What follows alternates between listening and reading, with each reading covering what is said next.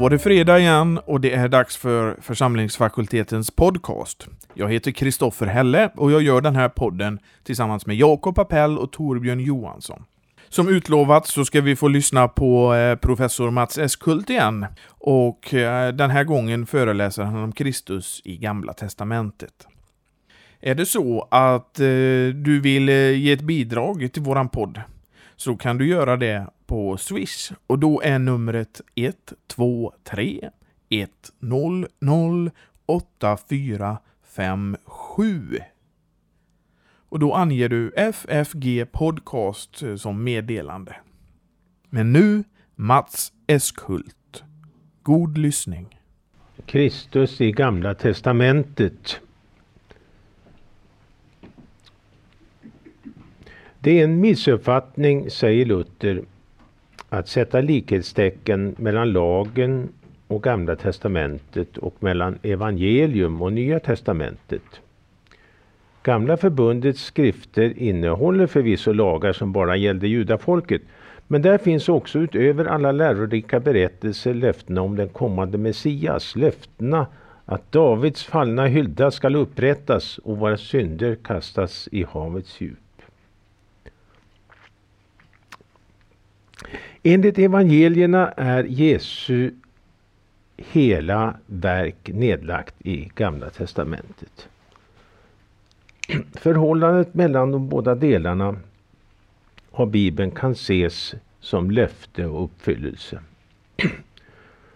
Jesus visade sina lärjungar till de gammaltestamentliga löftena om den messianska tiden och det nya förbundet.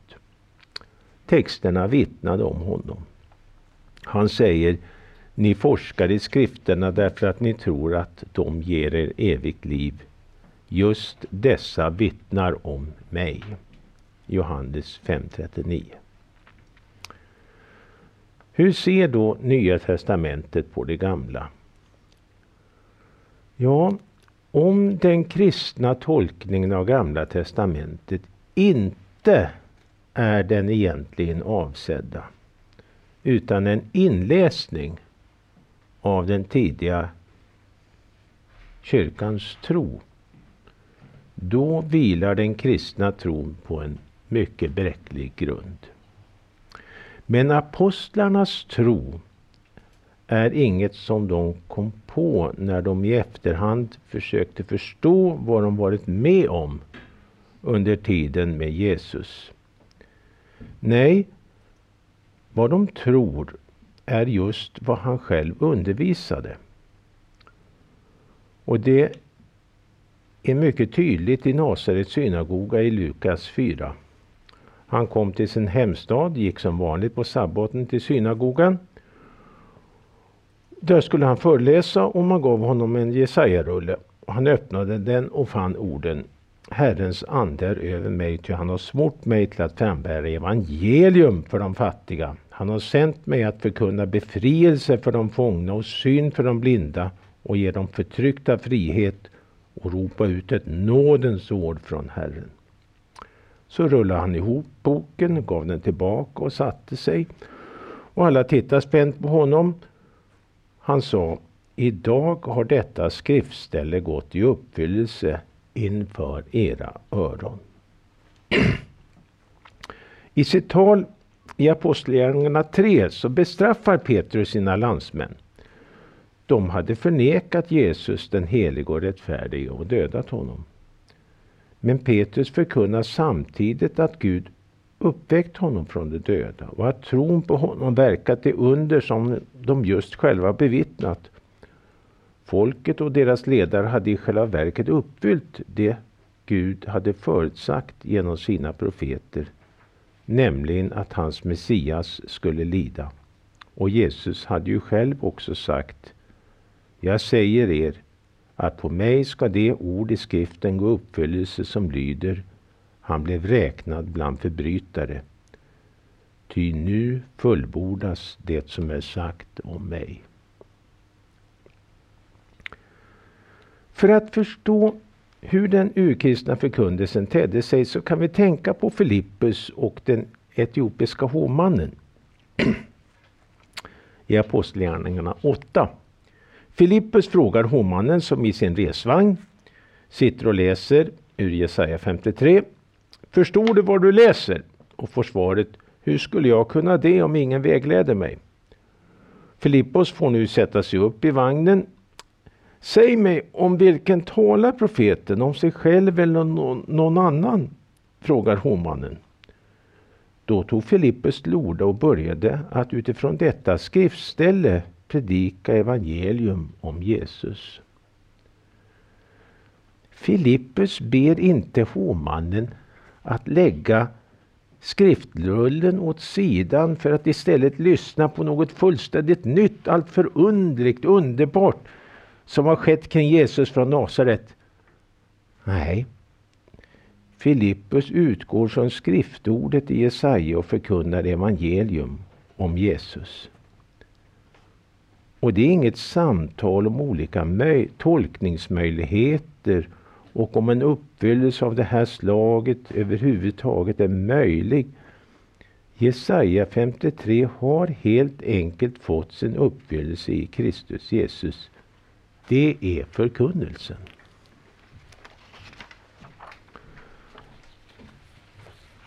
Trostolkning.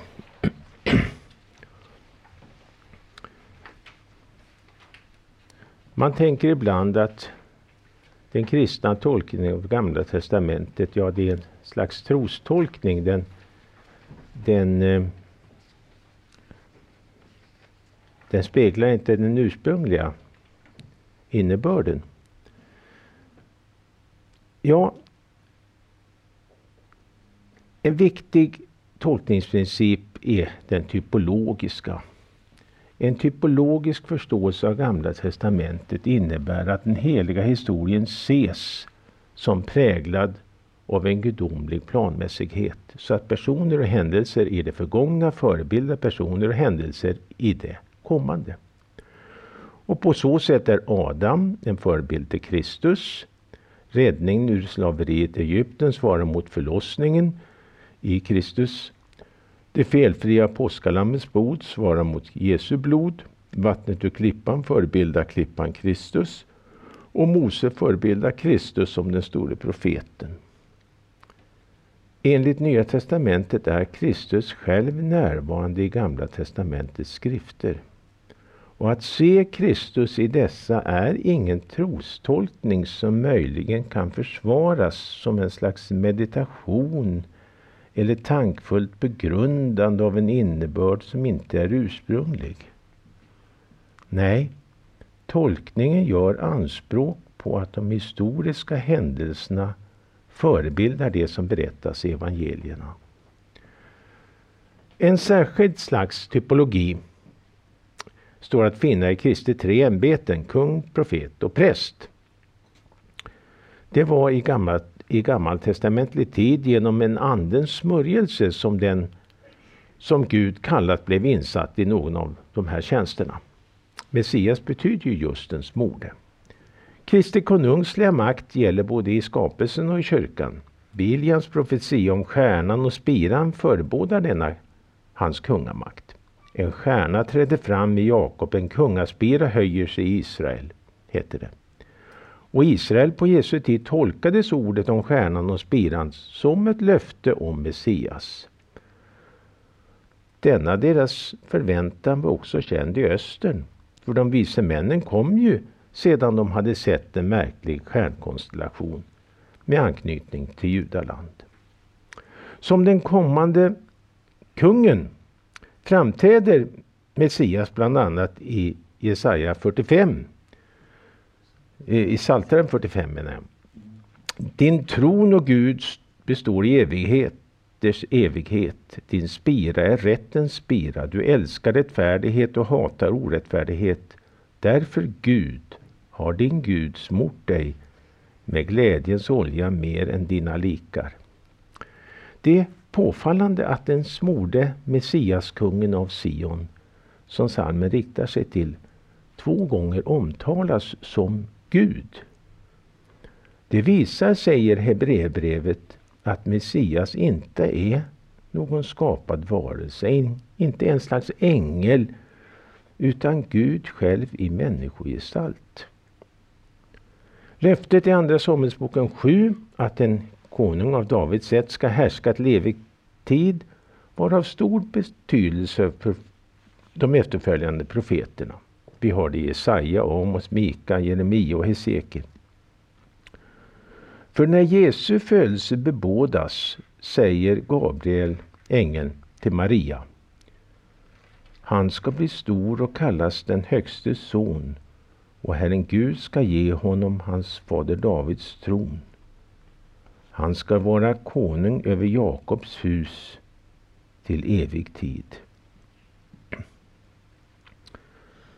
Jesus är också den i femte Mosebok 18 utlovade profeten. Något som Petrus intygar i sitt tal till folket i Apostlagärningarna kapitel 3.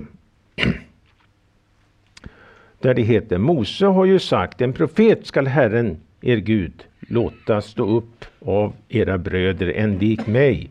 Honom ska ni lyssna till i allt vad han säger. Var och en som inte lyssnar till den profeten skall utrotas ur folket. Sedan har alla profeter från Samuel och efter honom så många som uppträtt förkunnat dessa dagar. Som profet talar alltså Jesus Guds ord till sin församling. Och han upprepar också som profet alla de under som profeterna Elia och Elisa gjorde. Vi kan tänka på att en svältande fick mat, döda uppväcktes och en spetälsk blev botad. Och när folket ändå begär tecken av Jesus, då ska de inte få något annat än Jonas tecken. Det vill säga uppståndelsen på tredje dagen. Det är det yttersta tecknet. Jesus är också på en gång både präst och offerlamm. Och hans offer har skett en gång för alla och har burits fram i den himmelska helgedomen. Det heter i Hebreerbrevet, inte med blod av bockar och kalvar utan med sitt eget blod har han en gång för alla trätt in i helgedomen och vunnit en evig förlossning. Om blod av bockar och tjurar och askan från en kviga stängt på det orena kan helga dem till renhet i yttre mening, hur mycket mer måste då inte blodet från Kristus, som genom evig ande framburit sig själv som ett felfritt offer åt Gud, rena våra samveten från döda gärningar så att vi kan tjäna den levande Guden. Kristus gick inte in i en helgedom byggd av människohand, bara en bild av den verkliga. Han gick in i själva himmelen för att nu träda fram inför Gud på våra vägnar. Så Kristi offer fullkomnar de gamla gammaltestamentliga offren. Han bar fram det av fri vilja. Han är på en gång både överstepräst och offer. Hans offer har skett en gång för alla och det skedde i den himmelska helgedomen. Han har burit fram det genom evig ande och därför gäller det för evigt.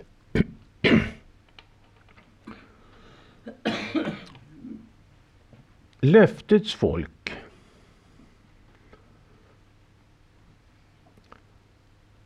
Vilka hör till löftets folk?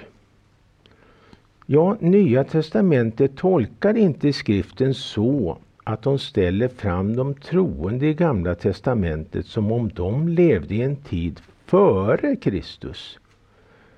Utan de försätts, förutsätts leva tillsammans med Kristus i den gammaltestamentliga tiden. För Nya testamentets författare vittnar om Kristus som närvarande bland sitt folk redan i gammaltestamentlig tid. Abraham fick löftet att han skulle bli till ett stort och segerrikt folk. Jag ska välsigna dig och göra din ett talrik som stjärnorna på himlen och som sanden på havets strand och din ett skall inta sina fienders portar. Första Mosebok 22. Och Saltaren påminner om löftet till Abraham. Det står, han öppnade klippan och vatten flödade och rann som en ström i det torra landet. Ty han tänkte på sitt heliga löfte till Abraham sin tjänare. Dessa ord finner sin återklang i Marias lovsång. Han har tagit sig an sin tjänare Israel och tänkt på att visa barmhärtighet mot Abraham och hans barn till evig tid. Och det var det löftet som Sakarias hade i tankarna när han åberopar Guds egen ed. Den ed som han svor till Abraham att rycka oss ur våra fienders hand och låta oss tjäna honom utan fruktan. Men Guds ed och löfte till Abraham gäller inte bara honom. Arvingar till löftet är alla som delar hans tro. Det heter i Romarbrevet, det var inte genom lagen som Abraham eller hans efterkommande fick löftet att ärva världen, utan genom den rättfärdighet som kommer av tro. Så vilka är då dessa Abrahams barn, Abraham och hans barn, mot vilka Gud har tänkt på att visa barmhärtighet? Jesus säger, om ni förblir i mitt ord så är ni verkligen mina lärjungar. Ni ska lära känna sanningen och sanningen ska göra er fria. Men han får till svar, det härstammar från Abraham och har aldrig varit slavar under någon. Vad menar du då med att vi ska bli fria? Jesus svarar, vore ni Abrahams barn borde ni göra Abrahams gärningar. Så dessa människors tankar och gärningar de stred mot Abrahams tro. De var inte hans barn, inte i andligt avseende. Men vilka är i så fall Abrahams barn? Paulus svarar kort. De som håller sig till Abrahams tro. De som håller sig till tron är Abrahams barn. Så det är alltså Abrahams tro som gäller. Det är den som räknas som rättfärdighet. De som i gamla förbundet avföll från Abrahams tro och föraktade Guds löften, de var inte Abrahams barn och hade ingen del i rättfärdigheten från Gud. Så yttre härstamning hjälpte inte. Och den som i nya förbundet avfaller från Abrahams tro och föraktar Guds löften är inte heller hans barn och har ingen del i rättfärdigheten från Gud. Yttre kyrkotillhörighet hjälper inte. Men löftet till Abraham står kvar. I hans släkte, i löfteslinjen, inlämnas folk i alla länder och stammar oavsett yttre härstamning i tron på Jesus, Messias, Guds Messias.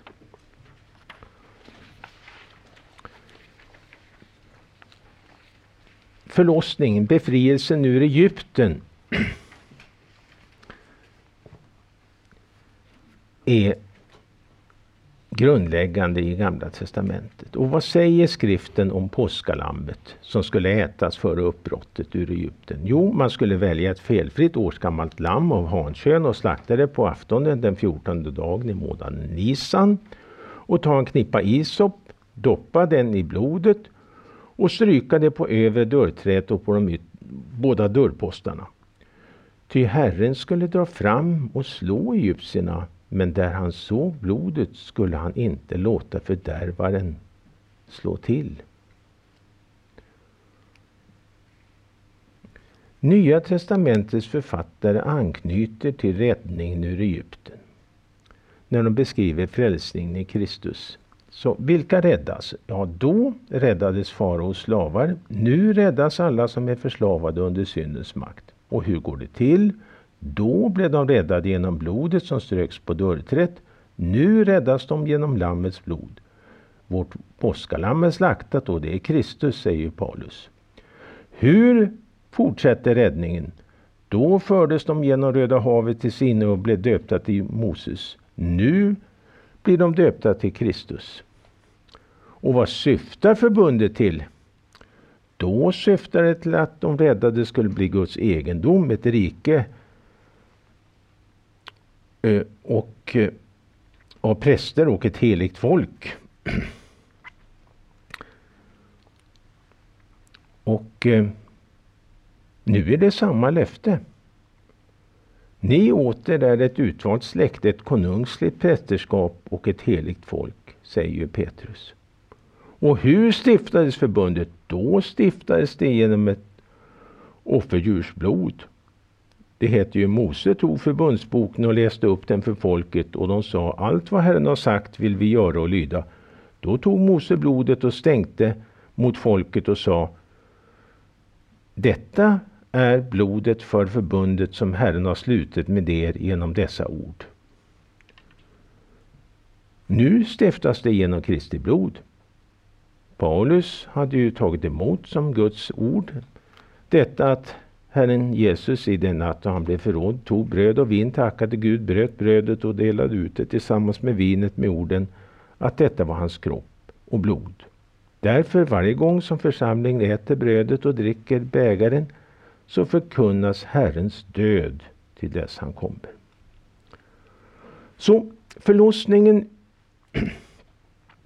befrielsen av Israel ur Egypten är den grundläggande frälsningsgärningen i Gamla Testamentet. Genom den och, förbundet vid Sinai blir Israels stammar ett Guds folk.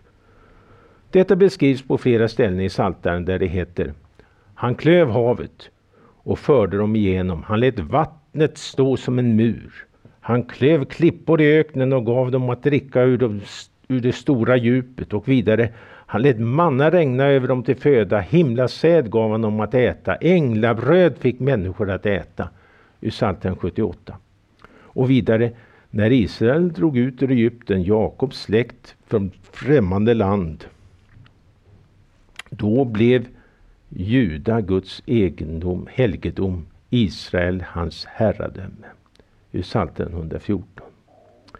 Men Israels ökenvandring tjänar också som ett varnande exempel. För det heter De höll inte den makt som han hade visat i åminnelse då när han räddade dem från fienden. Israel fick under sin ökentid, ökentid uppleva sådant som förebildar nya förbundet. Folket gick genom Röda havets vatten.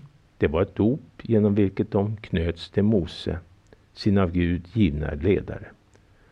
De fick i öknen övernaturlig mat och dryck, nämligen mannat och vattnet ur klippan. Trots detta nådde de inte löftets land, de allra flesta, och det av eget förvållande. Paulus påminner församlingen i Korint våra fäder var alla under månskyn och gick genom havet. Alla blev de döpta i molnet och havet till Mose. Alla åt de samma andliga mat och alla drack de samma andliga dryck. De drack ur, den, ur en andlig klippa som följde dem. Och den klippan var Kristus. Men de flesta av dem fann inte nåd inför Gud utan blev liggande döda i öknen. Enligt den judiska traditionen följde klippan som omtalas i Andra Mosebok 17 med Israel på vandring genom öknen. Paulus säger att det är något i detta som är riktigt. Inte klippan, men Kristus följde Israel. Kristus var verksam i Gamla förbundets tid innan han blev människa.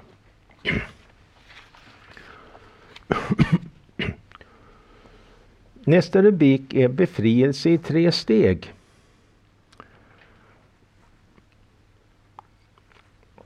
Och det har jag tänkt så här. Gamla testamentet tecknar ett världshistoriskt drama. Först handlar det om hela mänskligheten, sedan smålnar det av till patriarken och Israels stammar och till slut är det bara Judas stam. För att efter exilen i Babylon åter ha hela människosläktet i blickfältet. Genom Israel utför Gud sin frälsningsplan, den som är grundad på hans rådslut och kärlek. En utkårelse av nåd som naturligtvis också gäller Israel självt. Och i frälsningshistorien är befrielsen ur i Babel en nystart för Israels folk. Den liknar befrielsen ur Egypten som en gång la grunden för folket och ledde till förbundet vid Sinai. Och den pekar fram till befrielsen genom Messias. Befrielsen ur Babel, fångenskapen i Babel alltså. Jesaja knyter an till förlossningen ur Egypten när han beskriver befrielsen ur Babel. Det som hände på Moses tid bildar mönster för det som Herren ska låta ske när folket befrias på nytt. Gud ska själv gå framför dem. Herren går framför er, Israels Gud går sist i ert tåg, heter det i Jesaja 52. Och han ska på nytt föra dem genom öknen. De ska inte lida någon törst och på nytt sjunga Herrens lov. Se, jag gör något nytt. Det spirar redan. Märker ni det inte? Jag bereder en väg genom öknen, vattenströmmar i ödemarken. Det folk som jag har skapat åt mig, de ska sjunga mitt lov. Jesaja 43. Så Jesaja 40 till 48 kretsar kring befrielsen ur det jordiska Babel. Och här är perserkungen Kores viktig. Det är han som från omkring 550 f.Kr. erövrade hela Mellanöstern och till slut också Babel och lät Israels folk få vända tillbaka hem. Men han var Guds redskap, inget mer. Hans insats kastar ändå ljus över Herrens verk genom sin särskilda tjänare, han som är förebådad av den som i öknen ropade Bered väg för Herren. Markus 1.3. Så folket blir befriat ur Babel. Och på ett märkligt sätt flyter det som hände på Moses tid samman med det som sker när Herren på nytt befriar folket. Dra ut från Babel, fly från Kaldeen, berätta det med jubel, förkunna det, för ut det till jordens ända. Säg, Herren har frisöpt sin tjänare David. Inte behövde de törsta. Genom ödemarken förde han dem. Han lät vatten strömma ur klippan. Han klöv klippan och vatten flödade. Jesaja 48. Men så kom vi till Jesaja 49 till 57. Och då står befrielsen från synden i förgrunden. Inte längre befrielsen ur Babel. Kores är borta ur bilden. Den Herrens tjänare som skymtat fram redan i kapitel 42 och som där kallats min tjänare, min utvalde, i vilken min själ har sin glädje. Han tilltalas nu med orden, det är för lite för dig att du är min tjänare, att endast upprätta i Jakobs stammar och föra tillbaka de bevarade av Israel. Jag ska sätta dig till ett ljus för hedna folken och du ska min, bli min frälsning till jordens ända. Men det kan inte ske utan att tjänaren lider. Han säger själv, jag höll fram min rygg åt dem som slog mig och mina kinder åt dem som ryckte mig i skägget. Jag dolde inte mitt ansikte från och bort. Och nu kommer frälsningen allt närmare. Man hör budbärarens, evangelisten fotsteg. Härligt ljuder på bergen budbärarens fotsteg. Han som kungör frid förkunnar det glada budskapet, kungör frälsning. Och så i kapitel 53 målas tjänarens lidande för våra ögon. Det var våra sjukdomar han bar, våra plågor dem bar han. Men vi höll honom för att vara drabbad, slagen av Gud och pinad. Han var genomborrad för vårt avfalls skull, han var slagen för våra synders skull. Straffet för vår frid låg på honom och genom hans sår är det botat för oss. Vi gick alla vilse som får, och var och en ville gå sin egen väg. Men Gud lät allas vår synd drabba honom. Och så omedelbart efter skildringen av tjänarens död så ser profeten frukten, frukten av detta soningsoffer och utropar Jubla du ofruktsamma, du som aldrig fått barn. Brist ut i jubel, du som aldrig haft födslovärkar. Ty fler är den ensammas barn än den gifta kvinnans.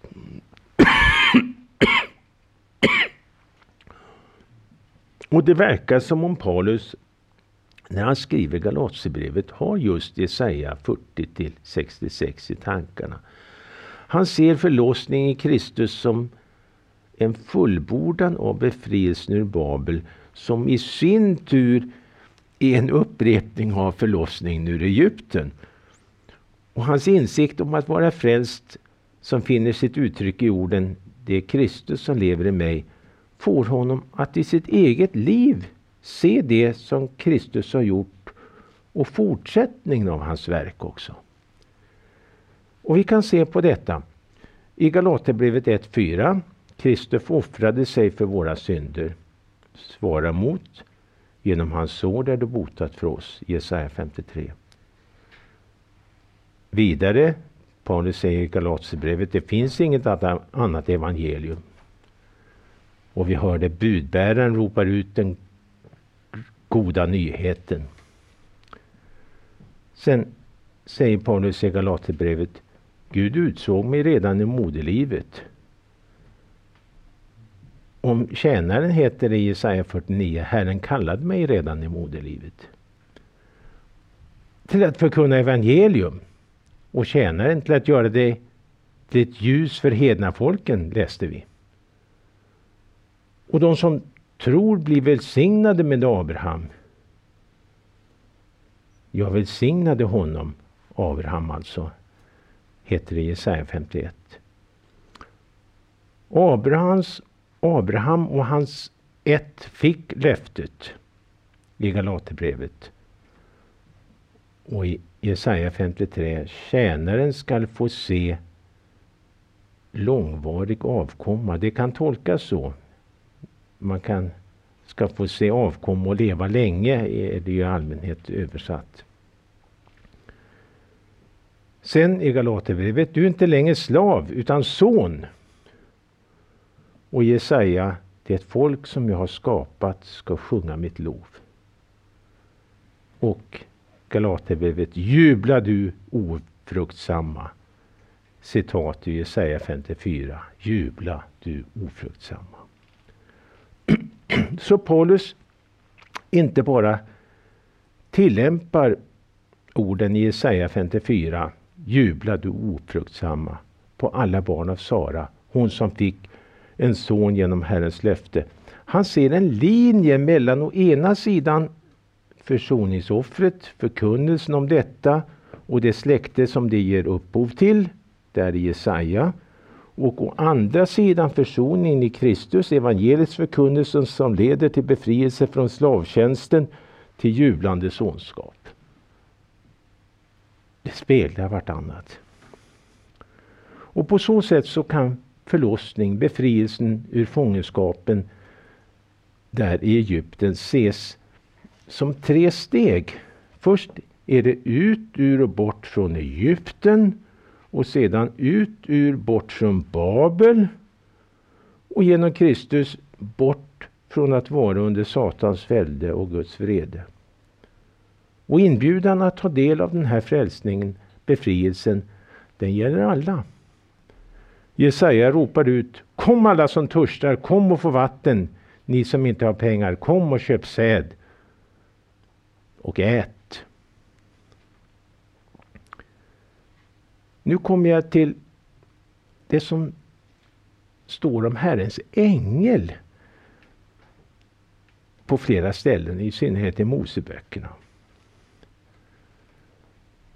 Det är en ängel som är utsänd av Herren Gud. Och på en del ställen görs ingen åtskillnad mellan Gud själv och hans ängel. Till exempel i Abrahams ord till sin trogne Eliezer att han ska... Eh, där görs en åtskillnad med, med i Abrahams ord till sin trogne tjänare Eliezer har vi en åtskillnad. Han skulle lita på Herrens bistånd och att hitta brud åt Isak ur släkten borta i Mesopotamien. Han ska sända sin ängel framför dig så att du kan ta en hustru åt min son därifrån. Det eh, blir lite annat när vi läser i andra texter och ser att det är tydligt att ängeln det är den genom vilken Gud uppenbarar sig själv både inför folket och enskilda människor. Och då görs ingen åtskillnad mellan Herrens ängel och Herren själv. Och det gäller ordet till Hagar. Herrens ängel sa Jag skall göra dina ättlingar mycket talrika. Alltså jag ska göra. Och på samma sätt är berättelsen om Abrahams möte med de tre änglarna vid Mamres Terepintlund i Första Mosebok 18. Och det sägs ju tydligt i vers 1 att det är Herren, JHVH själv, som visar sig för Abraham där han sitter i tältöppningen och plötsligt ser tre män stå framför honom. och han faller ner i ödmjuk vördnad och tilltalar en av dem med ordet Herre och då i den form som traditionellt används istället för Guds egen namn, Adonai på hebreiska. Och Herren berättar att Sara ska få en son. Men vid det beskedet måste Sara småle. Hon, hon är för gammal för att få barn.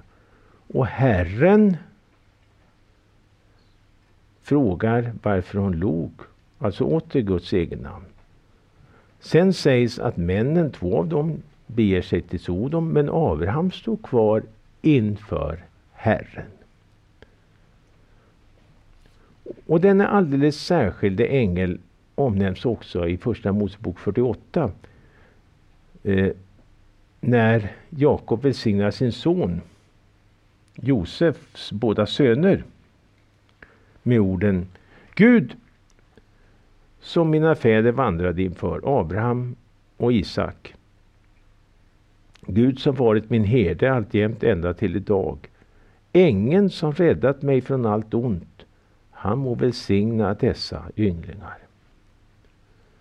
Och att den här ängeln är en person i gudomen det framgår så tydligt i Andra Mosebok 22. Där Gud säger Se, jag sänder en ängel framför dig för att bevara dig på vägen och föra dig till den plats som jag har berett. Ta dig i akt inför honom och lyd honom. Sätt dig inte upp mot honom. Han kommer inte att förlåta något avfall. Ty mitt namn är i honom. Den utsände ängeln, ängeln betyder just utsänd, bär alltså Guds eget namn. Och det kan ingen utan att själv vara Gud. Och enligt traditionell kristen tolkning är Herrens ängel ingen annan än andra personen i gudomen, det vill säga sonen i hans förutillvaro. Om vilken Kristus själv säger sannerligen, sannerligen, jag säger er, jag är innan Abraham blev till. Orden jag är syftar säkerligen på Guds heliga namn. Och Abraham blev en gång till, men Guds son är till av evighet. Efter Israels avfall inför guldkalven for Mose på nytt uppdraget att föra folket till det land som Herren har berett med orden Gå nu och led folket dit jag har sagt dig. Se, min ängel ska gå framför dig. Mose vill likväl få en försäkran om att han rätt förstått Herrens vägar. Och Gud svarar honom, mitt ansikte skall gå. Jag kommer att ge dig ro. Och Guds ansikte är inget annat än ett uttryck för Gud själv. Och den grekiska översättningen Septuaginta översätter därför också med jag själv. Medan den judiska arameiska översättningen Targumen återger det med ordet shushina som betecknar den gudomliga närvaron. Guds ansikte är alltså ett uttryck för Gud själv och hans närvaro. När det i Psaltaren 84 sägs Låt ditt ansikte lysa för oss, så är det en bön om Guds särskilda närvaro. I sin förkunnelse av den nya befrielsen anknyter Jesaja som vi sett till räddningen ur Egypten.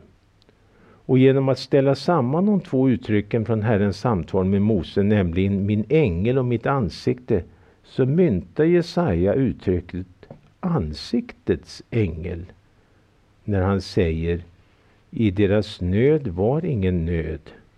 Hans ansiktes ängel frälste dem. Ur Jesaja 63.9. Kristi preexistens hos Gud. En rad texter i Nya Testamentet förutsätter att Kristus i sin föruttillvaro var delaktig i skapelsen. Paulus säger det i Andra kor 8-9 med uttrycket Han som var rik blev fattig för er skull. Och i Kolosserbrevet 1.3 säger han i honom skapades allt i himlen och på jorden, synligt och osynligt, troner och herravälden, härskare och makter. allt är skapat genom honom och till honom. Och vidare i Hebreerbrevet 1.2. Vid denna tidens slut har han talat till oss genom sin son som han insatt till att ärva allting liksom han också har skapat världen genom honom. Slutligen är Johannes i sitt evangelium mycket tydlig om Kristi preexistens. I begynnelsen var ordet, logos, och ordet var hos Gud och ordet var Gud. Han var i begynnelsen hos Gud. Allt blev till genom honom och utan honom blev ingenting till av allt som finns till. Så Kristi preexistens, förutillvaro, är inget som de nytestamentliga författarna går så mycket närmare in på. Varken i evangelierna eller breven. Men de anförda bibelställena visar Kristi förutillvaro som Guds ord, logos, förutsätts vara något fullständigt självklart för de kristna ute i församlingarna i Medelhavsvärlden. Man har gjort sig olika tankar huruvida föreställningar i den grekisk-romerska kulturen bidragit till att forma den nytestamentliga uppfattningen om logos. Och sant är att man i den hedniska omvärlden hade en föreställning om ett verksamt världsförnuft, gudomligt världsförnuft. Men det tänktes opersonligt och på ett panteistiskt sätt genomsyra hela skapelsen. Eller som hos den judiske filosofen Filon. Som något som kan göras till föremål för djup begrundan men aldrig tänkas som lika med Gud och avgjort inte uppfattas som en person i gudomen. Så det ställe i skriften som kommer närmast orden i Kolosserbrevet det är Ordspråksboken 8, 22-24. Det vill säga den gudomliga vishetens ord. Herren ägde mig som början av hans väg. Från före hans verk. Från då. Av evighet insattes jag. Från begynnelsen före jorden. Innan djupen kom till föddes jag. Orden för begynnelse, reshit på hebreiska, alltså grekiskans arché, är då detsamma som i skapelseberättelsen. Sen har vi ordet för äga, kana på hebreiska. Det återges ofta med skapa. Herren skapade mig. Men kana är inget skaparverb utan betyder som i andra semitiska språk språk skaffa och äga. Och verbet för insätta används som att smörja någon att inneha ett ämbete. Så allt stämmer med kyrkans lära om Kristus, frånsett att den grekiska översättningen då för kana har verbet ktitso, skapa, bygga, grunda, vilket i sig kan föra tankarna till föreställningen att det fanns en tid då sonen inte fanns en lära som ju har avvisats av kyrkan. Paulus skriver i, första, eller i Kolosserbrevet 1.28 om Kristus att han är huvudet för kroppen, för kyrkan. Han som är begynnelsen, arché, förstfödd från de döda. Och anknyter så till språkbruket i, i eh, skapelseberättelsen. Och dit för också tanken i Hebreerbrevet Genom tron förstår vi att världen har skapats genom Guds ord. Men skillnaden är att där används istället för logos ordet rema som svarar mot hebreiskans davar-ord och som ständigt används för det medel varmed Gud uppenbarar sig. Till exempel Herrens ord kom till Abraham i en syn. Nu något om Guds härlighet i Kristus. När lagen gavs vid Sinai sägs att israeliterna såg Herrens härlighet, hebreiska kavod, som en förtärande eld på bergets topp. De såg den strålglans som var tecknet på Guds närvaro. I gamla förbundet var Gud närvarande i tabernaklet och efter Israels avfall inför guldkalven så försäkrar Gud likväl att han ska gå med folket till det land som han har berett. Men Mose nöjer sig inte med det löftet utan ber Låt mig se din kavod, din härlighet. Och Herren svarar, jag ska låta mitt goda gå förbi dig och ropa ut Herren, namnet Herren inför dig. Åter sa Herren, här bredvid mig finns en plats där du kan stå på klippan. När min kavod går förbi skall jag ställa dig i en klyfta i klippan och skyla dig med min hand tills jag gått förbi. Så Israel hade sin kavod, sin härlighet i Herren Gud. Han hade uppenbarat sitt heliga väsen för dem, men de avföll från Herren. De bytte bort sin härlighet mot bilden av tjur, en tjur som äter gräs. Och inte bara Israel, utan alla jordens folk har som Paulus säger bytt ut den oförgängliga Gudens härlighet på grekiska doxa mot bilder av dödliga människor, fåglar, fyrfotadjur och kräldjur. När Kristus, Messias, har kommit till världen så har också Guds härlighet kommit med honom. Och den här härligheten var fördold under hans jordevandring, men några få fick den uppenbarad. För herdarna i julnatten, för de vise männen och för den gamle Simon när han tar barnet i sina armar och säger Herre, nu låter du din tjänare gå hem i frid som du har lovat. Hur mina ögon har sett din frälsning som du har berett åt alla folk. Ett ljus som skänker uppenbarelse åt hedningarna och en härlighet för ditt folk Israel. Så när evangelium går ut i hednavärlden så infrias orden som kom till Jesaja som ett bevis på att budskapet om tjänarens försoningsoffer bär bud om glädje till hela världen. Stå upp, var ljus. Ditt ljus är här, Herrens härlighet går upp över dig. I Jesaja 60.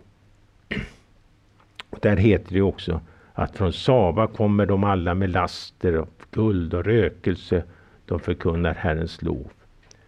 Och likheten med de vise männens tillbedjan är uppenbar. Nu, kvin, kvinnans avkomling, det är ju en viktig sak. Eh, om vi talar om Kristus i Gamla Testamentet. Allra först bland löftena i Gamla Testamentet står Herrens ord till ormen. Jag ska sätta fiendskap mellan dig och kvinnan, mellan din säd och hennes säd. Denne ska trampa sönder huvudet på dig och du ska stinga honom i hälen. Första Mosebok 3.15. Och om det har Luther en viktig ord att säga som ni kan läsa. Och som en slags uppfyllning till detta löfte ser Luther orden till Abraham. I dig skall alla jordens släkter bli välsignade. I Första Mosebok 12.3. Och en nyckel för Luthers förståelse av Första Mosebok är att en frälsare alltså ska födas av Judas stam.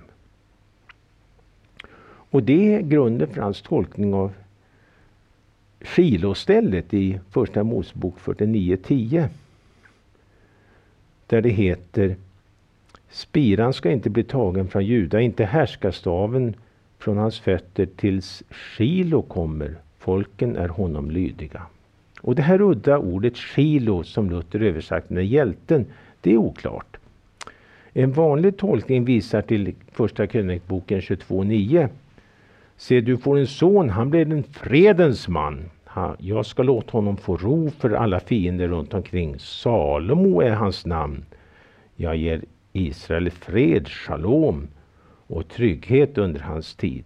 Och tanken är då att Salomo är den utlovade Shilo som utifrån ljudligheten också tänks beteckna en fridsförste, en som bringar shalom.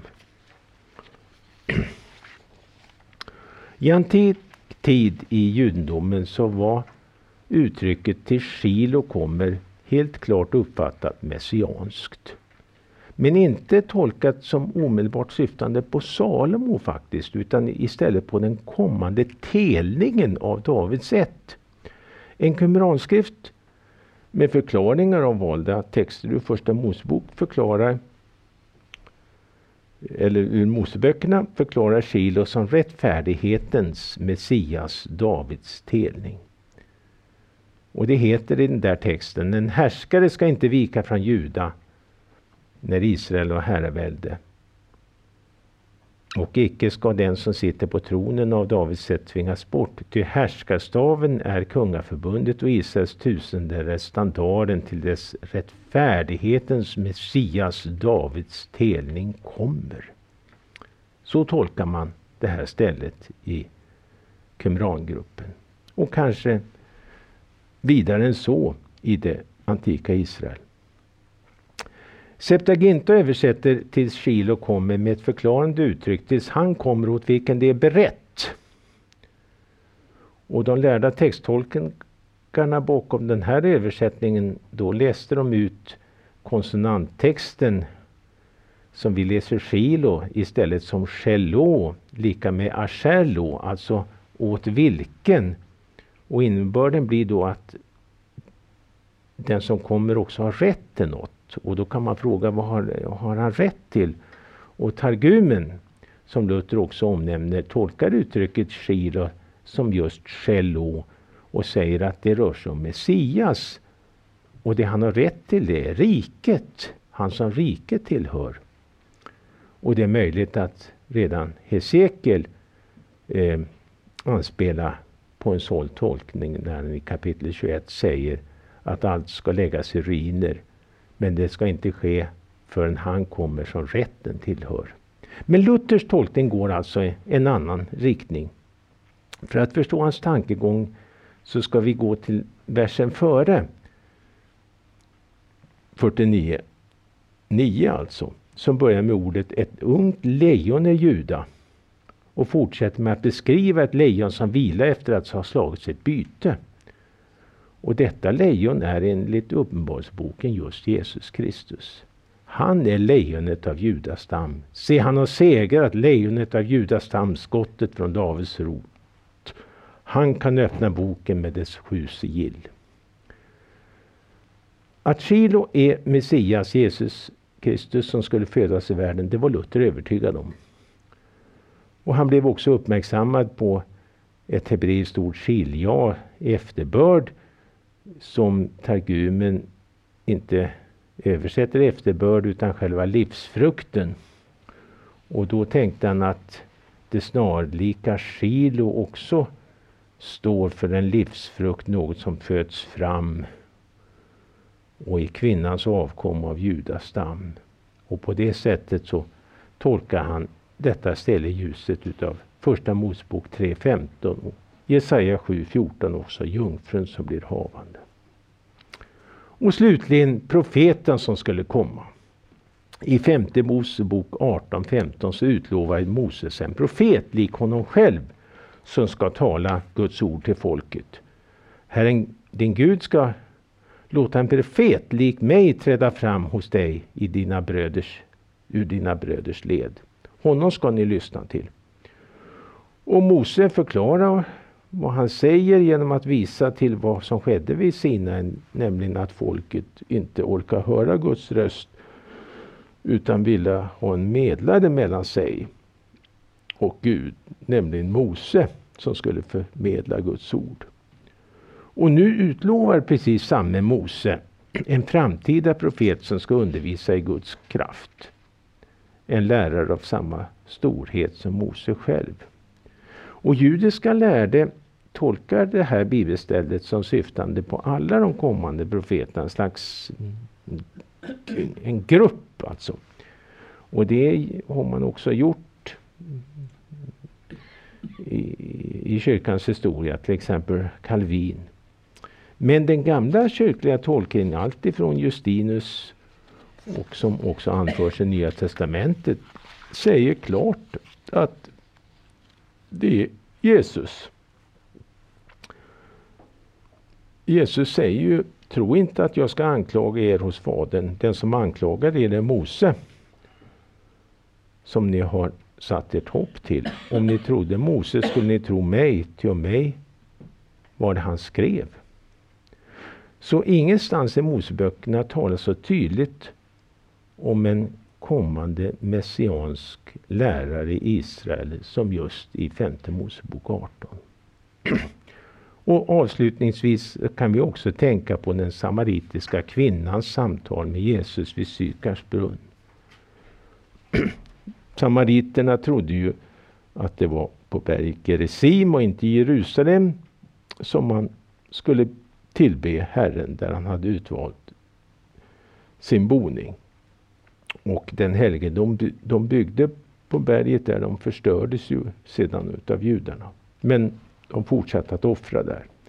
Nu ser kvinnan här under samtalet att Jesus verkligen är en profet, en som talar Guds ord. Och samariterna de erkände bara Moseböckerna som helig skrift, alltså inte profeterna och skrifterna.